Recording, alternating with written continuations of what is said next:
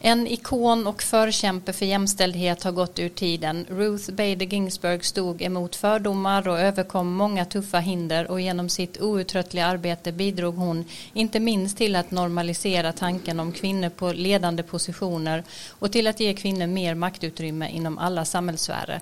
Den sista striden förlorade hon och konsekvenserna för tajmingen av hennes död riskerar nu att bli ett bakslag för just kvinnors rättigheter. I dagens avsnitt pratar vi om vad som händer nu och vad tillsättningen av en ny HD-domare mitt under pågående val kan komma att innebära. Vi pratar också om de kommande presidentkandidatdebatterna som inleds på tisdag och vad vi kan vänta oss av dem. Veckans Trump och lite bortglömda nyheter på det. Varmt välkomna till Amerikanalyspodden. I have a dream that one day this nation will rise up and live out the true meaning of its creed. This is a place where you can make it if you try. This is a country where anything is possible, no matter who you are. We do big things. Together, we represent the most extraordinary nation in all of history. What will we do with this moment?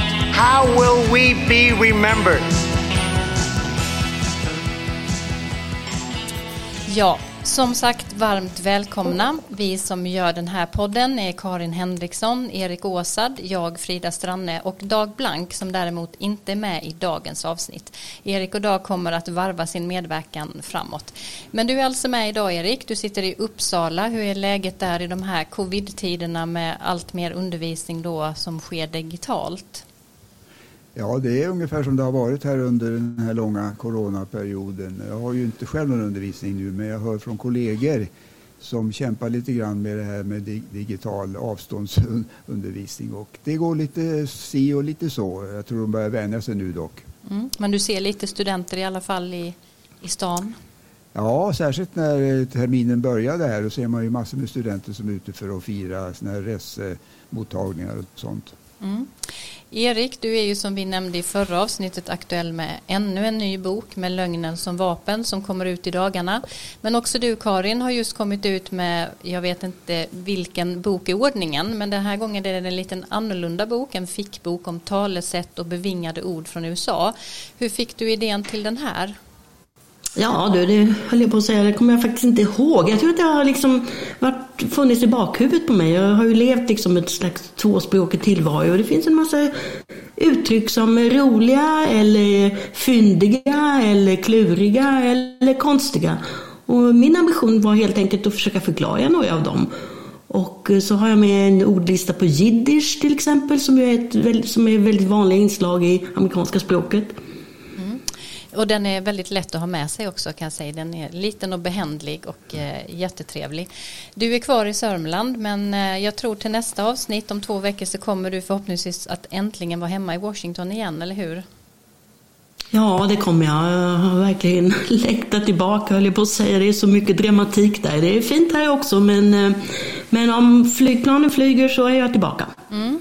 Och vi ser fram emot att ha dig där på plats som ett litet eh, vakande öga mitt i händelsernas centrum givetvis. Innan vi går in på dagens första tema om tillsättningen av ny HD-domare så kanske vi behöver säga något om nattens protester som ju följt av det beslut om att inte åtala poliserna som dödade Breonna Taylor i mars i år. Ännu ett fall alltså som väcker kraftiga reaktioner i ett redan spänt läge. Vad, vad kan det här innebära, Karin? Ja, det innebär ju att den här frågan är högst levande och eh, det har den nu varit i bortåt tio år, alltså efter mordet på Trayvon Martin. Och eh, ja, det, det, det förvärrar ett redan infekterat läge. Och eh, det, vi får väl se de närmaste dagarna om det ebbar ut, men det är ju inte alls säkert. Nej, Erik?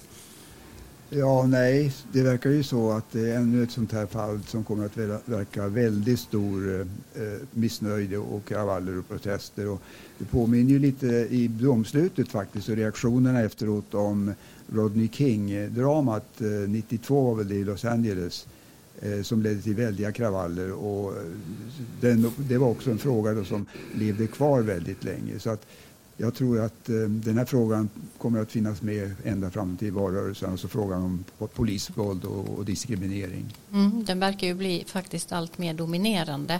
Eh, en annan sak som drog eh, min uppmärksamhet till sig var en artikel i New York Times nu på morgonen som listade några saker som man menade gör att Demokraterna trots att man har ett övertag i opinionen har eh, flera skäl att oroa sig över eh, valet. Man pekade bland annat ut latinoväljarna som i mindre utsträckning än tidigare val verkar stötta Demokraterna framförallt i några av de viktiga nyckelstaterna.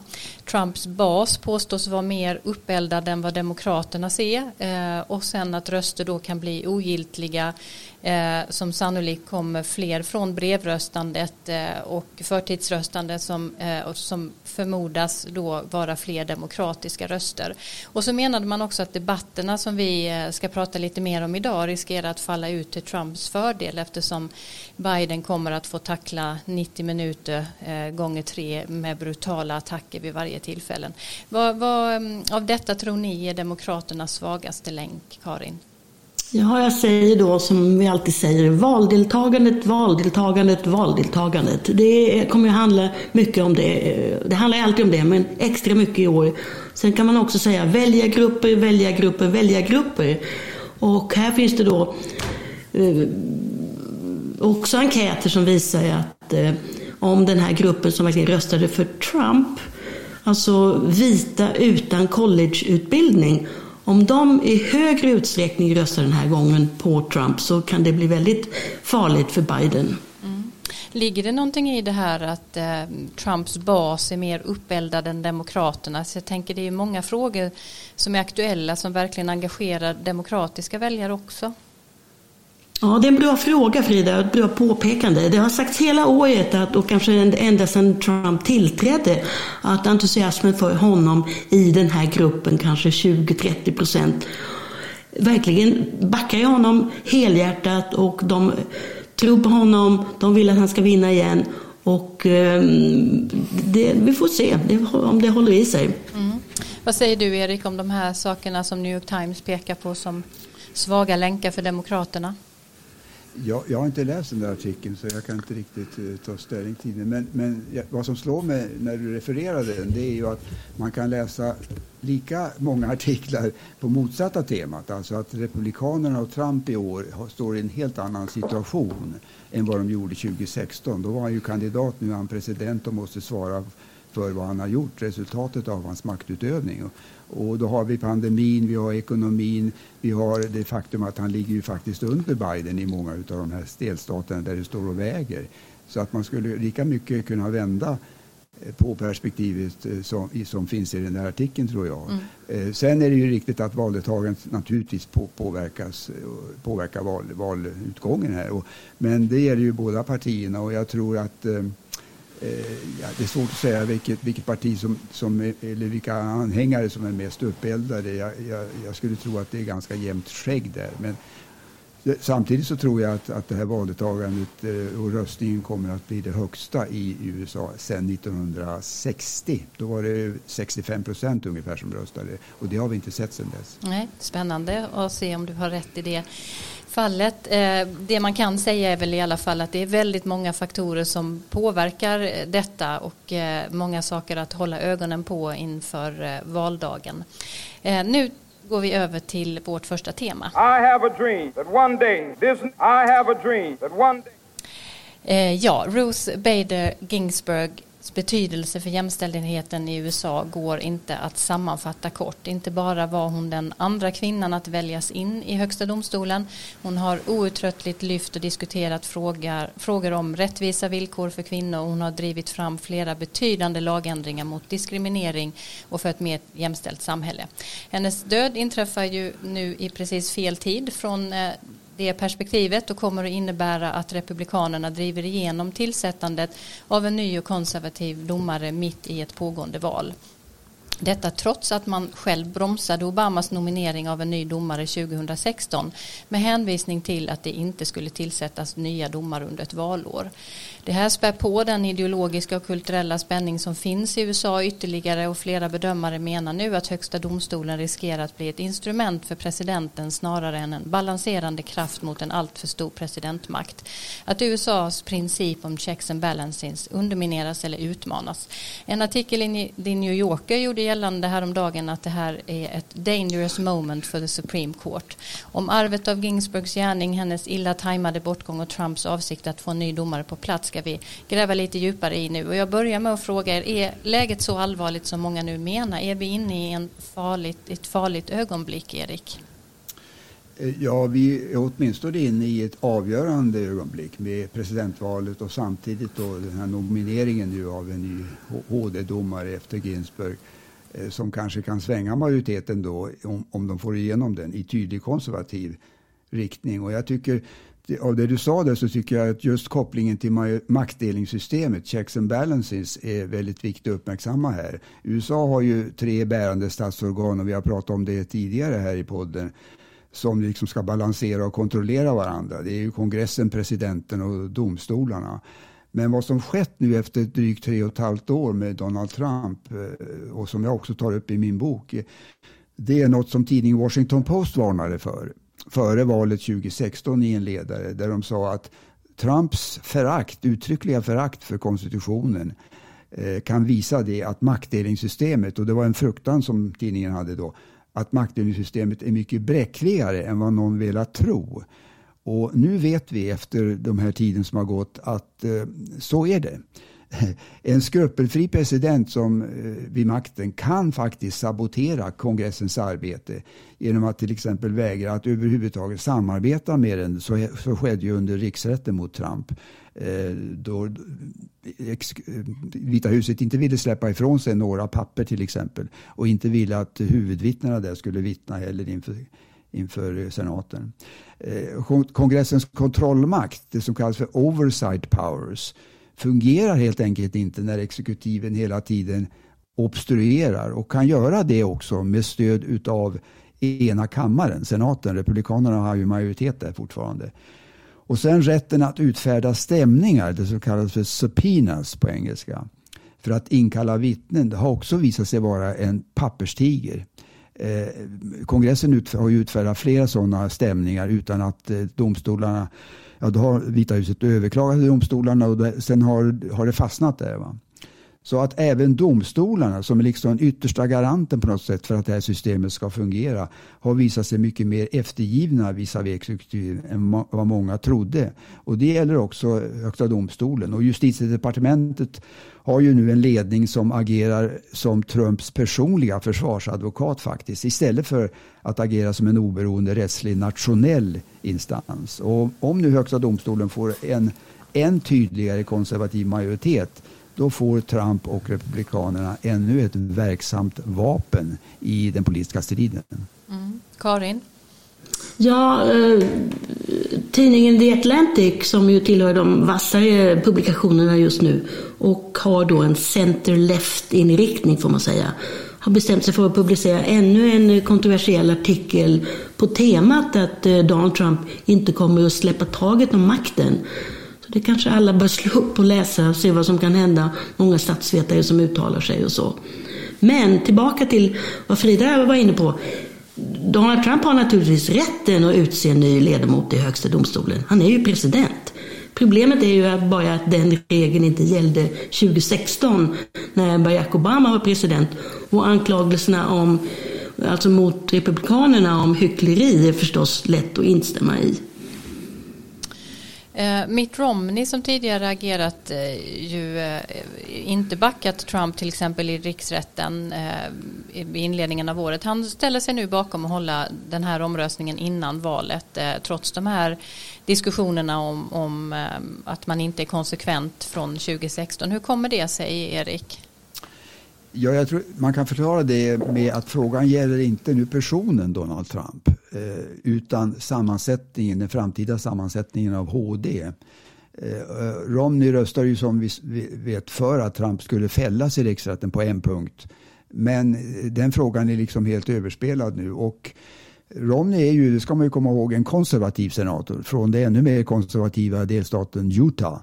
Eh, och han motiverade sitt beslut nu att gå med på en omröstning och att, att vara med i den här processen med att en ny nominering, sa han, det är fullt enlighet med konstitutionen och som Karin sa att det är presidentens rätt att göra så. Va?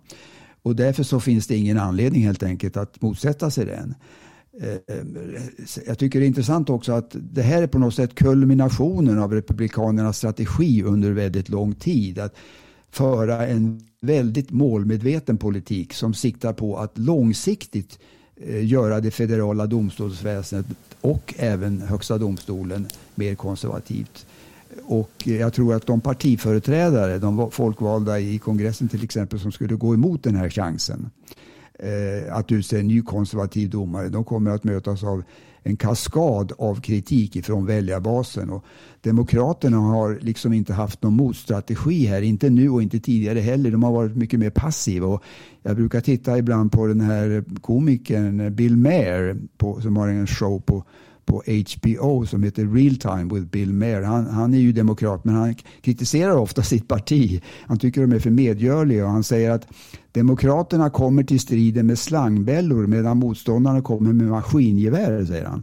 Och det, det, tycker jag passar in här faktiskt i deras karaktäristik här under eh, striden om HD. Mm.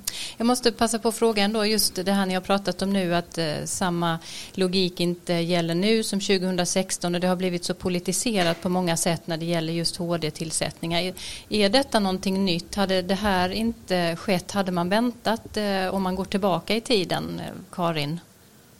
Ja, alltså tillsättningarna har ju varit väldigt eh, kontroversiella många gånger i USAs historia. Men eh, här är det ju, kan man väl ändå säga att republikanerna är rätt fräcka och, och, och gör på det här sättet. Liksom, eh, och, och, det kommer ju bli kritik mot det. Men, men de, de har ju makten, då kan man göra så här. Och, ehm, sen, men till saken har ju, som jag tror Erik var inne på, är ju att det handlar ju om tilltron till Högsta domstolen också. Högsta rättsliga instans, eh, författningsdomstol. Och eh, det är naturligtvis väldigt illa om den instansen också blir politiserad som kongressen och Vita huset, så att säga, eller presidentmakten. Det är väldigt oroväckande. Och det här kan också om man läser eh, olika rapporter nu och utspel få konsekvenser för HD sammansättning så småningom. Eh, stämmer det Erik att man vill se förändringar?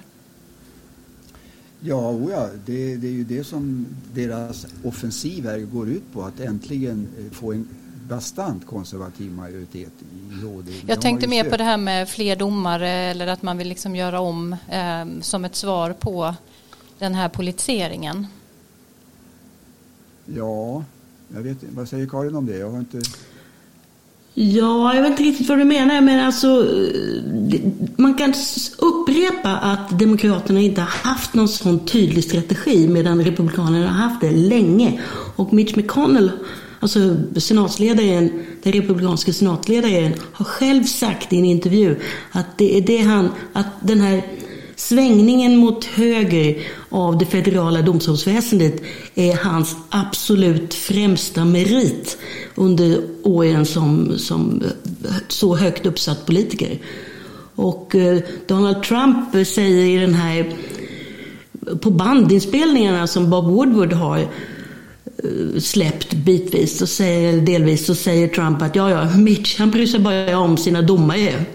Så det, det, är definitivt en medveten strategi från Republikanerna och de ser de här frågorna framför sig som de, kom, som de har drivit. Alltså det är abort, det är vapen, det är rösträtten, det är även då ska man hålla, hålla, ha i åtanke att, att Högsta domstolen dömer i väldigt många mål som rör näringslivet.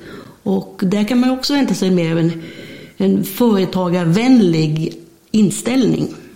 Jag tänkte mer på att jag har läst att eh, man vill se över om det ska finnas fler domare i eh, Högsta domstolen till exempel. Men ehm, det kanske inte stämmer.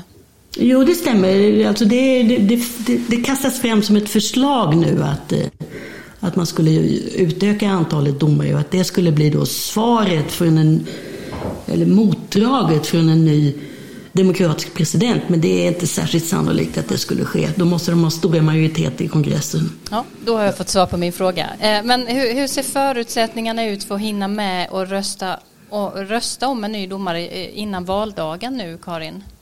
Mycket goda. Alltså det är Donald Trump som är president och som, ursäkta, som jag nämnde så är, det då, är det ju då senatsledaren Mitch McConnell som bestämmer.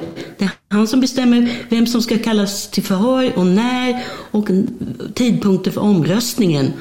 Och det är ju då en dryg månad kvar och det bör väl hinnas med. Och Demokraterna de erkänner faktiskt att det inte finns så många möjligheter för dem att stoppa den här processen. Det skulle möjligen vara då att utmåla Trumps kandidat som fullständigt omöjlig. Och det där skedde faktiskt på 80-talet när Joe Biden var ordförande i senatens eh, eh, justitieutskott. Och eh, han tillsammans med den då välkände senatorn Ted Kennedy bedrev en hård kamp mot Ronald Reagans kandidat som hette Robert Bork. Och eh, Ted Kennedy höll då ett tal i senaten som har liksom så smått gått till historien som eh, ett exempel på hur man kan mosa en motståndare. Han eh, målade upp ett scenario som gick ut på hur förfärligt det skulle bli i ett Borks America. Så det där skulle ju möjligen kunna bli ett, ett, något de kunde hitta på, men det skulle ju inte heller direkt ja, mildra stämningsläget i landet. Nej. Erik? Ja, nej, jag håller med om det att eh, om Trump nu och republikanska ledningen har bestämt sig för att köra den här processen i botten och det verkar de ju ha gjort så, så kan inte demokraterna göra någonting för att stoppa den. Och de skulle kunna hota med motåtgärder och det var det som du var inne på eh, tror jag Frida. Eh, som att till exempel avskaffa filibustern helt. Den är ju delvis avskaffad. Va? Eller att utöka antalet domare. Och det var, jag missuppfattade din fråga lite grann där. Det var det, det du frågade om. Eh, om de vinner då ehm, eh, valet. Men eh, det tror jag inte heller, ett sånt hot, alltså ett verbalt hot, tror jag inte skulle bita. Eh, här kan man ju erinra om att eh, Franklin Roosevelt försökte det här på 30-talet, 1937. Eh, så han, gick han fram med det här förslaget om pack the court, att man skulle addera domare. Alla som, domare i domstolen som hade fyllt 70 år ville han pensionera och så skulle han då få ut, utse nya domare upp till ett antal av 15 var, var förslaget. Men trots att han hade vunnit så stort av 36 i omvalet där så misslyckades det. Han fick inte ens med många av sina egna då. Sen 1866, om man går ännu mer längre tillbaka, då stiftade kongressen en lag som minskade ledamöterna från 9 till 7 faktiskt eh, och förbjöd presidenten då, Andrew Johnson, att tillsätta en ny domare. Men sen ändrar man det där antalet tillbaka till nio stycken under eh, presidenten Grant. Eh, sen när man lyssnar på Joe Biden så tycker jag också slående att han verkar ju mer inkräkta på, inte att ta strid, utan att med ord försöka vädja till kongressens republikaner. Han, många av dem är ju hans gamla kollegor. Va? Att de ska ta sitt förnuft till fånga. Och det är snarare det som han är inne på tror jag, eller hittills i alla fall. Eh, än att hota med skarpa motåtgärder som jag tror att partivänstern skulle vilja. Mm. Eh, om det nu av något skäl inte skulle bli klart innan själva valdagen eh, och Trump förlorar valet kan han ändå eller man ändå rösta i frågan mellan valdagen och installationen av en ny president? Ja, det, det, finns ju inget som hindrar det, men det har inte hänt vad jag vet någon gång tidigare. Jag såg i en uppgift här på morgonen att ingen kandidat till Högsta domstolen någonsin har godkänts som ny domare mellan juli månad och valdagen. Så om det sker nu, då får vi upprepa, eh, uppleva historia här. Mm. Karin? Uh, nej, jag håller med Erik att uh, om man tittar tillbaka så är det tydligen genomsnitt på 70 dagar mellan ja. nominering och, och, omröstning. Men vi, vi får se. Jag tror, att han, jag tror nog att det blir så. Det blir nog en omröstning. Mm. Um, vi går lite framåt här, tiden går. Eh, vilken, vilket parti gynnas mest i valet tror ni av eh, den här situationen som nu har uppstått? Det var ju enligt eh, alla bedömare en, en avgörande fråga för många republikanska väljare att faktiskt stödja Trump 2016 trots att man kanske hade andra betänkligheter över honom som kandidat. Hur, hur påverkar det här de båda partiernas möjligheter i valet? Karin? Ja, jag tror att eh, vad gäller Trump så kan man kanske gissa då att han redan har de här väljarna. Att de, eh, så att den kretsen kanske inte utökas.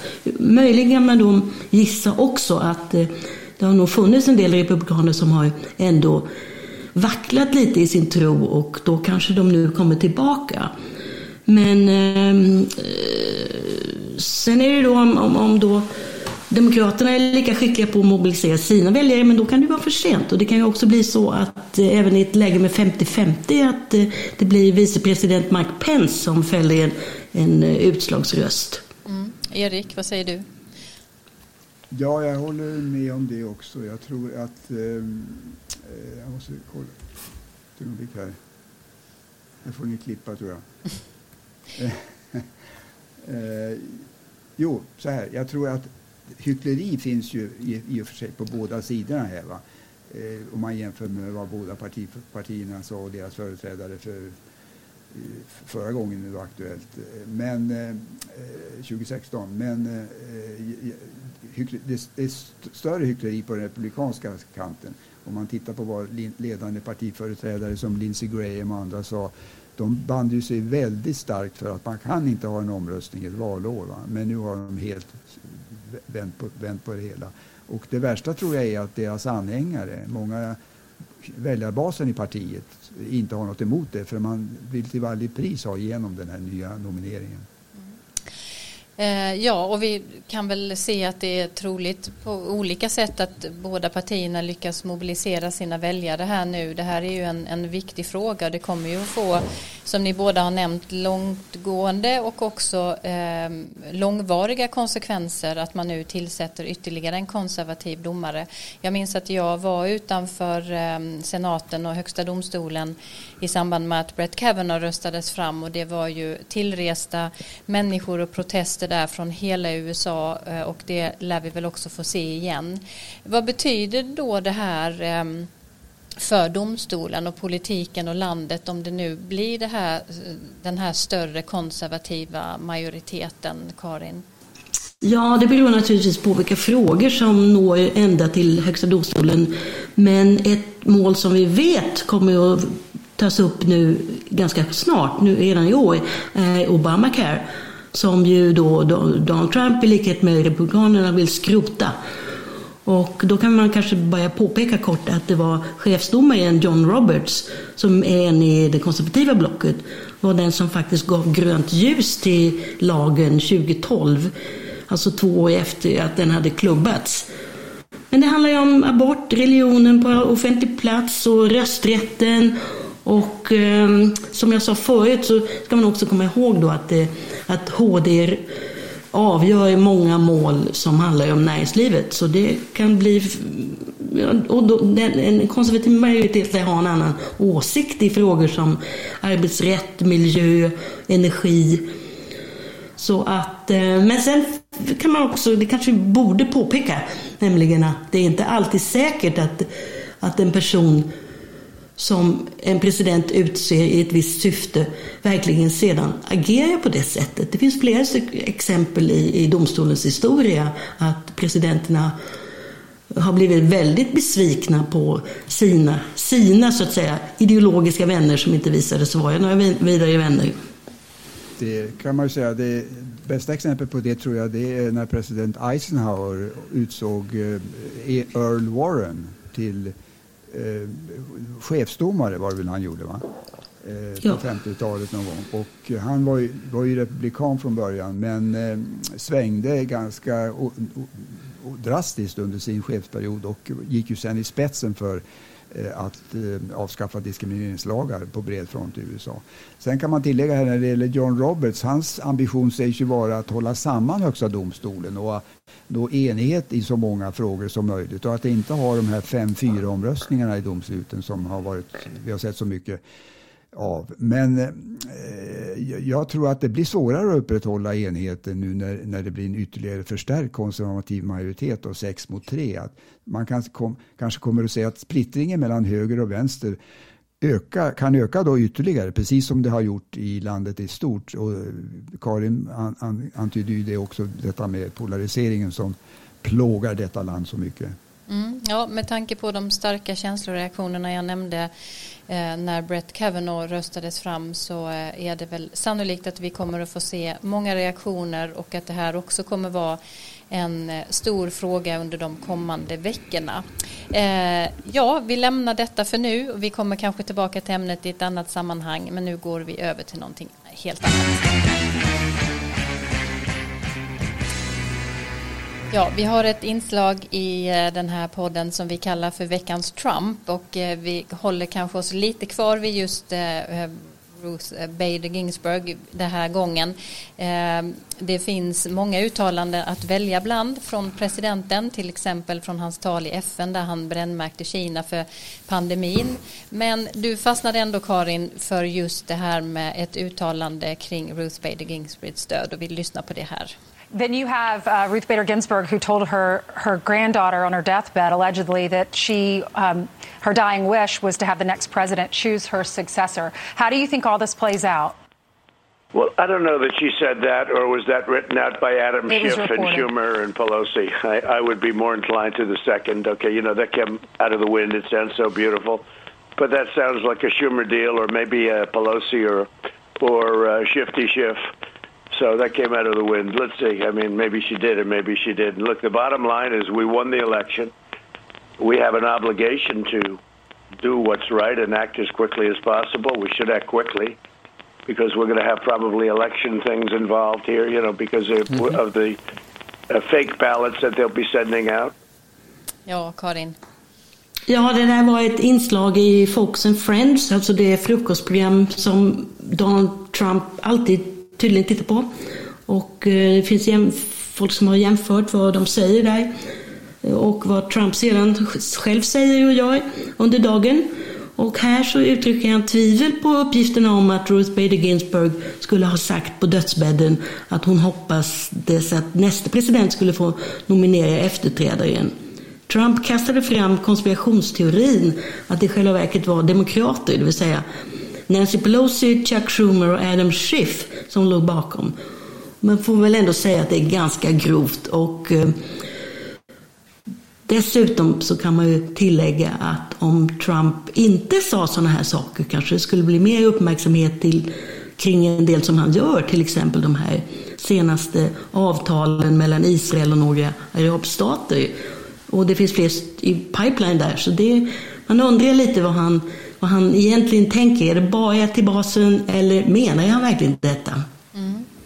En väldigt viktig iakttagelse och eh, fråga och som vi kanske också då får anledning att diskutera i relation till hur de kommande presidentkandidatdebatterna faktiskt också kommer att ta sin form. På tisdag är det alltså dags för den första av tre presidentkandidatdebatter mellan Donald Trump och eh, Joe Biden. Pandemin har krävt förändringar i upplägget med den första debatten som äger rum nu natten mellan tisdag och onsdag nästa vecka och den kommer att hållas i Case Western Reserve i Cleveland. Chris Wallace kommer att leda debatten och ämnena för den här första sammandrabbningen är just högsta domstolen, coronapandemin, ekonomin, rasism och våld och säkerheten kring kring det kommande valet. Stora frågor minst sagt. Eh, jag tror att fler än jag ser fram emot detta med någon form av skräckblandad förtjusning. En, en skrupellös president mot en normalt ganska svag debattör i utmanaren Joe Biden riskerar ju att bli en tillställning utan några konkreta besked till väljarna om viktiga framtidsfrågor. Vad tänker ni båda lite kortfattat eh, generellt inför debatten på tisdag, Karin? Jag håller ju med. Jag är inte heller så förtjust i sådana här debatter. Jag tycker de är mest en, en charad eller en, en, ett spel. Och det, det kommer väldigt lite fram. Men just den här gången så är ju liksom då underhållningsfaktorn kanske ännu större än den, eller större än den någonsin har varit. Jag tror att många kommer bänka sig och bara vänta på att det bränner till. Mm. Erik? Eh, ja, jag är intresserad av den väldiga hypen och uppmärksamheten som kommer att vara kring det här. Vi pratar ju om det redan nu eh, kring debatterna. Och eh, sen kan man ju fråga sig då, ha, står det i proportion till vik, vikten av debatterna? Alltså har de, har de verkligen någon påverkan på väljarna? Och vi kanske kommer tillbaka mm. till det senare men, men det är en väldigt intressant diskrepans där tycker jag. Mm. Ja absolut, vi kommer tillbaka till just de här kommande debatterna som nu väntar. Men vi, vi ska inleda med lite bakgrund faktiskt, hur det kommer sig att man började med tv-debatter mellan presidentkandidaterna. Kan du ge oss en liten beskrivning Karin? Ja, bara kort alltså om historien så kan man faktiskt säga att det började egentligen redan 1858 när det var debatter, en, en serie debatter mellan eh, Abraham Lincoln och Stephen Douglas. Och det handlade om slaveriet i första hand och unionen. Och det var enormt populärt. Det fanns ju inte tv då, men eh, tidningarna tryckte, eller var det nu tidningar, det var nog mer som slags tryckta blad som spriddes och blev väldigt populära. Och, men nu för tiden så är det då en speciell kommission som håller i planeringen och de bestämmer tidpunkt och lokal och utfrågare. Och vi ska också notera faktiskt att det är frivilligt att delta. Och Trump han antydde vid en tidpunkt att han faktiskt inte hade någon lust att ställa upp. Och vid en annan så sa han att det borde vara fler debatter. Och den här gången så, eller den här serien då på tre debatter plus en mellan vicepresidentkandidaterna eh, så kommer det bara bli en utfrågare och det är ett avsteg från hur det har varit i de flesta debatterna nu på senare år. För då brukar det vara flera stycken som ska tävla med varandra om att ställa frågor. Och eh, det, det, blir, det är extra intressant att den första är just Chris Wallis. Han är reporter på, och kommentator och programledare i Fox News. Och han är stentuff och har verkligen satt dit Donald Trump. Den enda som är, eller en av två kanske, som verkligen har gjort det. Mm. Erik, har du lite bakgrund till de här debatterna? Eh, ja, jag kan bidra med lite statistik. Den första debatten var 1960 mellan Richard Nixon och John F Kennedy. Oerhört berömd, oerhört omskriven. Eh, de hade faktiskt fyra debatter det året. Och eh, Sen dess har det hållits då totalt 33 tv-debatter mellan presidentkandidaterna, huvudkandidaterna, och 10 stycken mellan vicepresidentkandidaterna. Um, ehm, det, mellan 64 och 1976, alltså 1964 och 76, så hölls det inga debatter alls därför att ehm, um, 64 var ju Lyndon Johnson president och han var inte intresserad av debatter. Eh, och det var inte heller Richard Nixon när han vann och ställde upp till om, eh, fick eh, bli president 68. Han, var ju vis, han förlorade ju kan man ju säga debatterna då mot Kennedy enligt många. Eh, sen kan man också nämna att den första vicepresidentdebatten hölls 76, det, det valåret. En intressant sak tycker jag som man inte ska glömma det är formaten. Vi nämnde tidigare här lite om det och de har varierat väldigt från att vara en panel med journalister, tre, fyra stycken som ställer frågor. Det är ett. Och det, då blir det ju mer av en slags presskonferens med väldigt lite interaktion mellan debattörerna. Jag tror att det var det, det, det formatet som Karin eh, antydde här var väldigt tråkigt och det, det är det faktiskt. Där, där, får man liksom inte någon dynamik i samtalet. Va? Sen har man också ha, använt en ensam moderator eh, och, eh, som det kommer att vara i år. Va? Och ett blandat format med en moderator och publikfrågor. Eh, jag minns att när Bill Clinton eh, ställde upp i tv-debatter så var det några tillfällen då man hade publikfrågor och det var han särskilt duktig på för han liksom gick fram till eh, publiken och, och, och, tog dem på allvar, såg man när han, tyckte de i alla fall, när han svarade på frågorna och kom nära dem och så.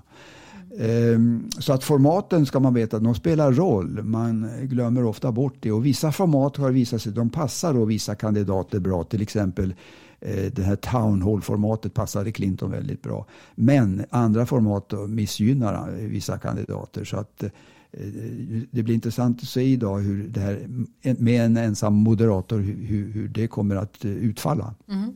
Vet man vilka debatter av alla de här som har haft flest tittare genom åren? Ja, då, det finns eh, mätningar på alla de här debatterna och flest tittare har utav alla de här 33 som har varit då, det hade den första debatten 2016 mellan Hillary Clinton och Donald Trump eh, som hade då en beräknad tittarskara på 84 miljoner tittare. Men då tillkommer de här som tittar på sociala medier eh, och, och, sociala plattformar, de är inte medräknade. Då kan man räkna med att eh, där var det ytterligare ett antal miljoner. Eh, sen på andra plats faktiskt var Jimmy Carter mot Ronald Reagan 1980. Det kanske är lite oväntat. De hade bara en debatt då om jag inte minns fel. Eh, och som var uppe på 80 miljoner tittare på den då. Och då fanns ju inte sociala medier heller. Och sen på tredje plats kommer den tredje debatten 2016 mellan Clinton och Trump. Eh, cirka 72 miljoner tittare på den. Eh, den andra debatten mellan Clinton och Trump som vi ska lyssna på ett utdrag ur snart här.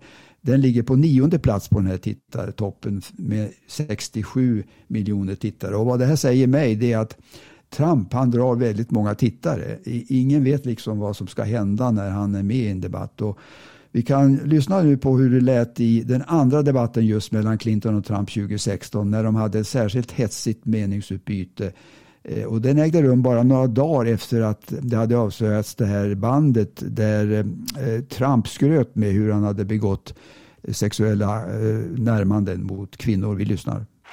You brag that you have sexually assaulted women. Do you understand that? No, I didn't say that at all. I don't think you understood what was said. This was locker room talk. Uh, I'm not proud of it. I apologize to my family. I apologize to the American people. If you look at uh, Bill Clinton, Far worse, minor words, and his was action. Hillary Clinton attacked those same women and attacked them viciously. Four of them here tonight. He has said that the video doesn't represent who he is, but I think it's clear to anyone who heard it that it represents exactly who he is. But he never apologizes for anything to anyone. He owes our country an apology and he needs to take responsibility for his actions and his words. But when you talk about apology, I think the one that you should really be apologizing for and the thing that you should be apologizing for are the 33,000 emails that you deleted and that you acid washed. And then the two boxes of emails and other things last week that were taken from an office and are now missing. I didn't think I'd say this, but I'm going to say it. And I hate to say it. But if I win, I am going to instruct my Attorney General to get a special prosecutor to look into your situation because there has never been so many lies, so much deception.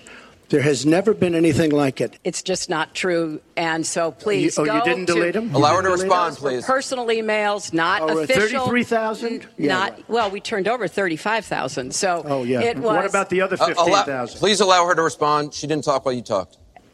Yes, that's true. I didn't. Because I didn't in the say. first debate, and uh, I'm going to try not to in this debate because uh, I'd like to get to the questions that the people have brought here tonight uh, to talk to us about. And get off this question. Okay, Donald, I know you're into big diversion tonight, anything to avoid talking about your campaign and the way it's exploding and the way Republicans are leaving you. But let's, let's, let's at least focus on some of the let's issues that people care about tonight. You know, it is, uh, it's just awfully good that someone with the temperament of Donald Trump is not in charge of the law in our country. Because you'd be in jail. Secretary Clinton. Ja, det är ganska många saker som är anmärkningsvärda i eh, den här, den här delen av debatten, eller hur Erik? Ja, verkligen. Eh, man kan ju lägga märke till här att eh, Trump särskilt avbröt ju Hillary Clinton här flera gånger och han är ju fullständigt ohämmad i en del av sina repliker här när han säger att till exempel han hotar att om jag, om jag vinner, säger han, så kommer han att sätta Hillary Clinton i fängelse. Och det är ju ett, helt unikt språkbruk egentligen som ingen annan kandidat har varit i närheten av tidigare. Och, och det, andra anklagelser om det här med e-mailaffären som han tog upp igen och som ju blev en följetong under valrörelsen. Så att jag tror att den här typen av väldigt aggressiv eh, agerande eh, och avbry, ständiga avbrott, det kommer vi att få se också i de kommande debatterna mot Joe Biden. Det kan man nog räkna med. Mm. Ja, om vi då ska ta oss tillbaka till de här debatterna som väntar mellan Joe Biden och Donald Trump så har vi ju som sagt eh, sett och hört Trump eh, under valet 2016 i de debatterna mot Clinton. Eh, Biden har ju också som vicepresidentkandidat deltagit i en debatt. Men vad kan vi säga om de här båda kandidaterna nu som, som debattör, Karin? Ja, ingen av dem skulle ju ha vunnit pris i en sån här debatttävling, Debate Society, som finns i high schools och colleges. Men ja, om Donald Trump, precis som Erik påpekade, han är ju fullständigt ohämmad. Han drar sig inte för några fula knep. Han bjöd ju in de här kvinnorna som hade anklagat Bill Clinton för sexuella övergrepp i en av debatterna med Hillary Clinton. Och det får man väl ändå lov att säga var ett ganska ja, det var kanske ut, väldigt uttänkt och säkert gick hem bland många. Men samtidigt måste man påpeka att det faktiskt inte var Bill Clinton som ställde upp i valet utan Hillary Clinton. Och om Joe Biden, ja det har väl framgått här i vårt samtal att det är nog många både i kampanjstaben och bland vanliga demokratiska väljare som är mycket oroliga att han trasslar till det för sig med någon klumpighet eller ett så kallat senior moment. Men han är ju också en, en, erfaren politiker och om han håller tungan rätt i mun så lär han ju kunna ställa Trump mot väggen. Och det gäller ju då många frågor. Hanteringen av pandemin, lögnerna, sjukvården med mera, med mera. Så kan man möjligen också säga något om att det här blir ju två rätt jämnlånga män som möts. Inte då som förra gången när Trump faktiskt liksom tonade upp sig bakom Hillary Clinton och nästan skuggade henne på scenen. Och hon sa ju efteråt att hon nog ångrade att hon inte liksom hade vänt sig om och sagt sluta nu, det är jag som pratar. Så det, det kan bli intressant med liksom själva, själva liksom, minspelet mellan dem och, och kroppsspråket. Så det, och det är inte heller oviktigt i hur tittarna reagerar. Man kan tänka att de båda och inte minst Joe Biden övar för fullt nu. Vad tror du om de här, den här sammandrabbningen på tisdag, Erik? Ja, om vi tar Biden först så minns jag ju, eller det minns vi alla, att i de här många debatterna som han hade mot sina demokratiska eh, Eh, medtävlare under primärvalen så tyckte jag att han var ojämn. Alltså, ibland så var han på hugget och artikulerade bra men ibland var han också Eh, dämpad och passiv och såg lite frånvarande ut. Och, eh, Ehm, så att han, är, han, han gör ett ojämnt intryck och det gäller ju nu att om, man, om, man kommer, om ni kommer ihåg hans accepteringstal här på Demokratiska partikonventet där han ju läste upp, det var ju inte en debatt, men han läste upp en text där och det gjorde han ju väldigt rappt och bra. Eh, och det är vad han behöver vara, han behöver vara på, på, toppen av sin förmåga liksom mot Trump som kommer att avbryta och försöka få honom ur balans så ofta han kan. Han kommer säkert att eh, Eh, Trump att, att nämna Hunter Biden, sonens namn och försöka att implicera honom i skumraskaffärer och sånt där. Ehm, jag såg att en politiker som har debatterat med Trump tidigare, han liknade honom i en debattscen vid en apa med maskingevär, sa han. A monkey with a machine gun. Alltså en som skjuter vilt omkring sig och som inte skyr några medel egentligen och som kan förväntas säga vad som helst. Och sånt drar väldigt mycket publik. Det ser man på den här topplistan som jag nämnde utav eh, tittare. Eh, men det är ju särs, sällan det är särskilt informativt för väljarna om det blir en sån här munhuggning bara. Mm. Vet man något om vad debatterna betyder för, för valutgången, Erik? Ja, det vet man en hel del om. Eh, man vet att trots all den här uppmärksamheten och Eh, diskussionen i förväg så är det sällan som debatter har haft en direkt avgörande betydelse för valutgången. Egentligen så är det bara två gånger som de har klart gynnat en av kandidaterna. I, och det är i de här jämna valen 1960 och 2000 då John Kennedy eh, respektive George W Bush gjorde bättre ifrån sig än väntat. Eh, man pratar ju om the expectations game, alltså att eh, kandidaterna brukar spela ner sina förväntningar, eller eh, förväntningar inför debatten, för att om de gör ett bra insats då så får de liksom överbetyg efteråt. Fast det är en väldigt dålig gren för Donald Trump. Han kan ju inte, han kan ju inte tala illa om sig själv och han måste ju alltid tona, eller tala illa om motståndaren. Så att han är inte liksom med i den matchen kan man säga. Eh, men, men, när det gäller 1960 kan man säga också att Kennedy trodde själv då att han inte skulle ha blivit president förutan de här debatterna som han hade då eh, mot Nixon. Eh, stats, det finns en statsvetare som heter Alan Schroeder. Han har skrivit eh, standardverket om tv-debatter och han hävdar det att de främst tenderar att förstärka redan existerande åsikter bland tittarna och att de sällan får tittarna eller väljarna att byta parti. Eh, annat än om det är då väldigt jämnt och någon kandidat gör väldigt bra ifrån sig. Eller också kan det vara att de gör dåligt ifrån sig.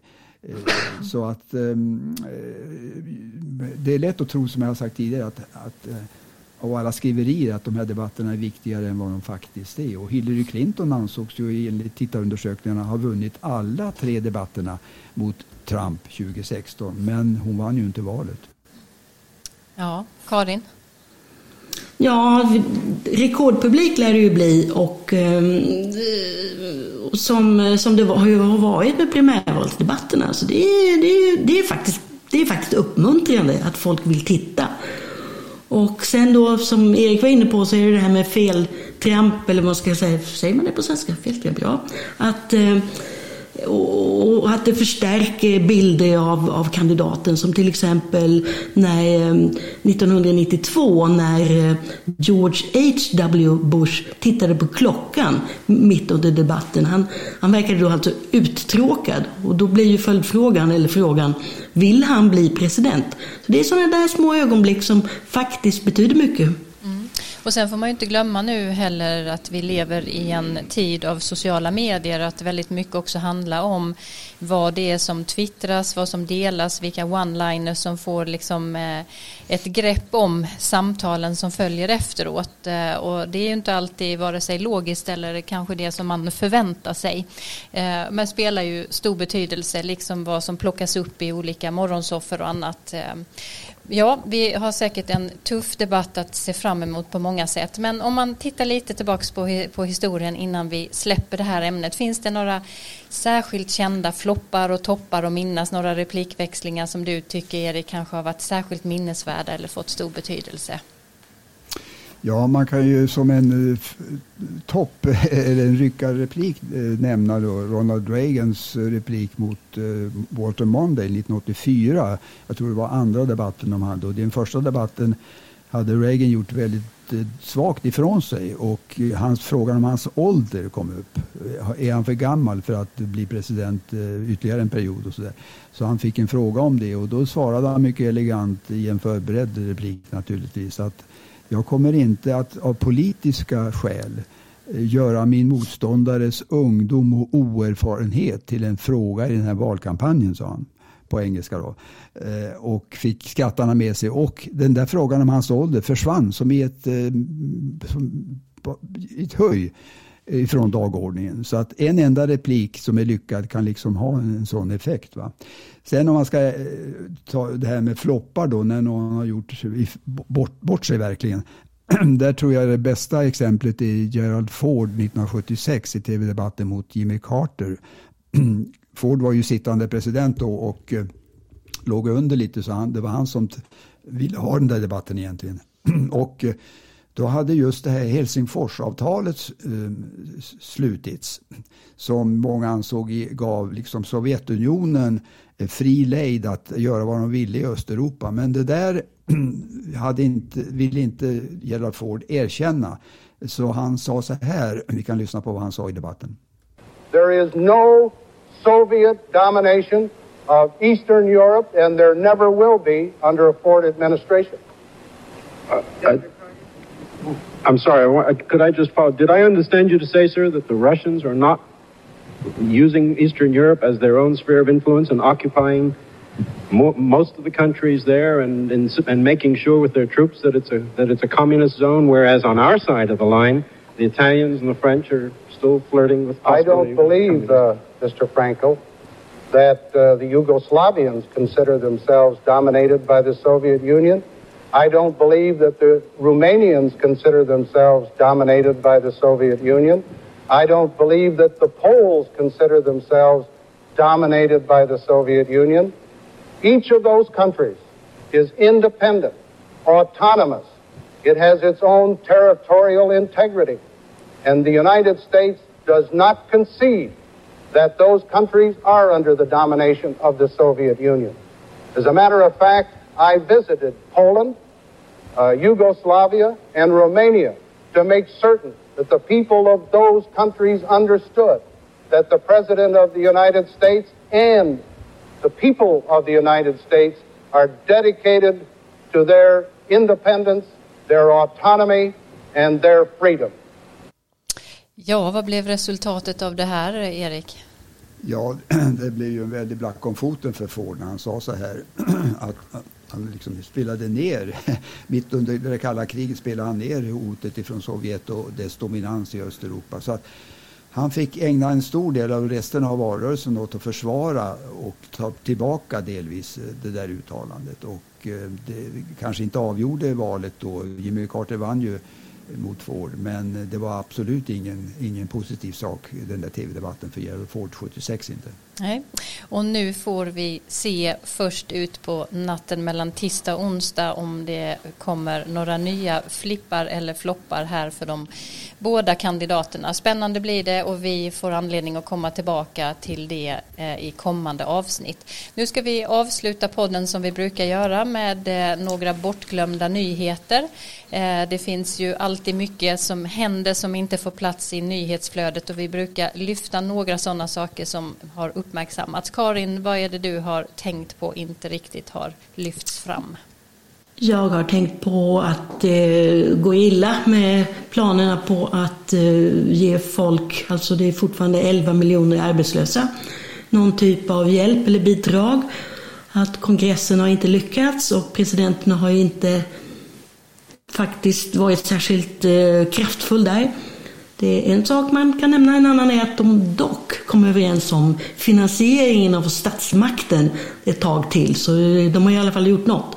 Men jag skulle också vilja nämna att eh, Donald Trump tänker eh, ta till fler sanktioner mot Kuba. Och då undrar man förstås om det har någonting att göra med exilkubaner i Florida. Mm. Inte helt osannolikt. Erik, vad har du tänkt på? Jag har tänkt på att eh, Donald Trump som sittande president verkar ha akut pengabrist och att Joe Bidens kampanj fick en eh, enorm flod av nya donationer efter att HD-frågan aktualiserades nu efter Ginsburgs död här. Eh, på ett dygn så samlade hans kampanj in över 100 miljoner dollar och det är ju en oerhört stor summa.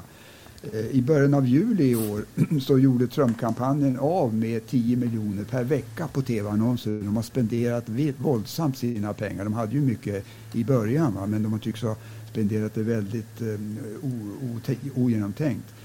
Eh, och I slutet av augusti så har, är det bara, använder de bara ungefär 2 miljoner mot Bidens 19 miljoner eh, tv-annonser per vecka. Och pengarna anses ju betyda det mesta i amerikansk politik och att utmanaren på det här sättet samlar in mer pengar än en sittande president, det är faktiskt sensationellt. Mm. Jätteintressant. Eh, stort tack Karin Henriksson och Erik Åsad för att ni delar med er av er långa och gedigna erfarenhet av USA.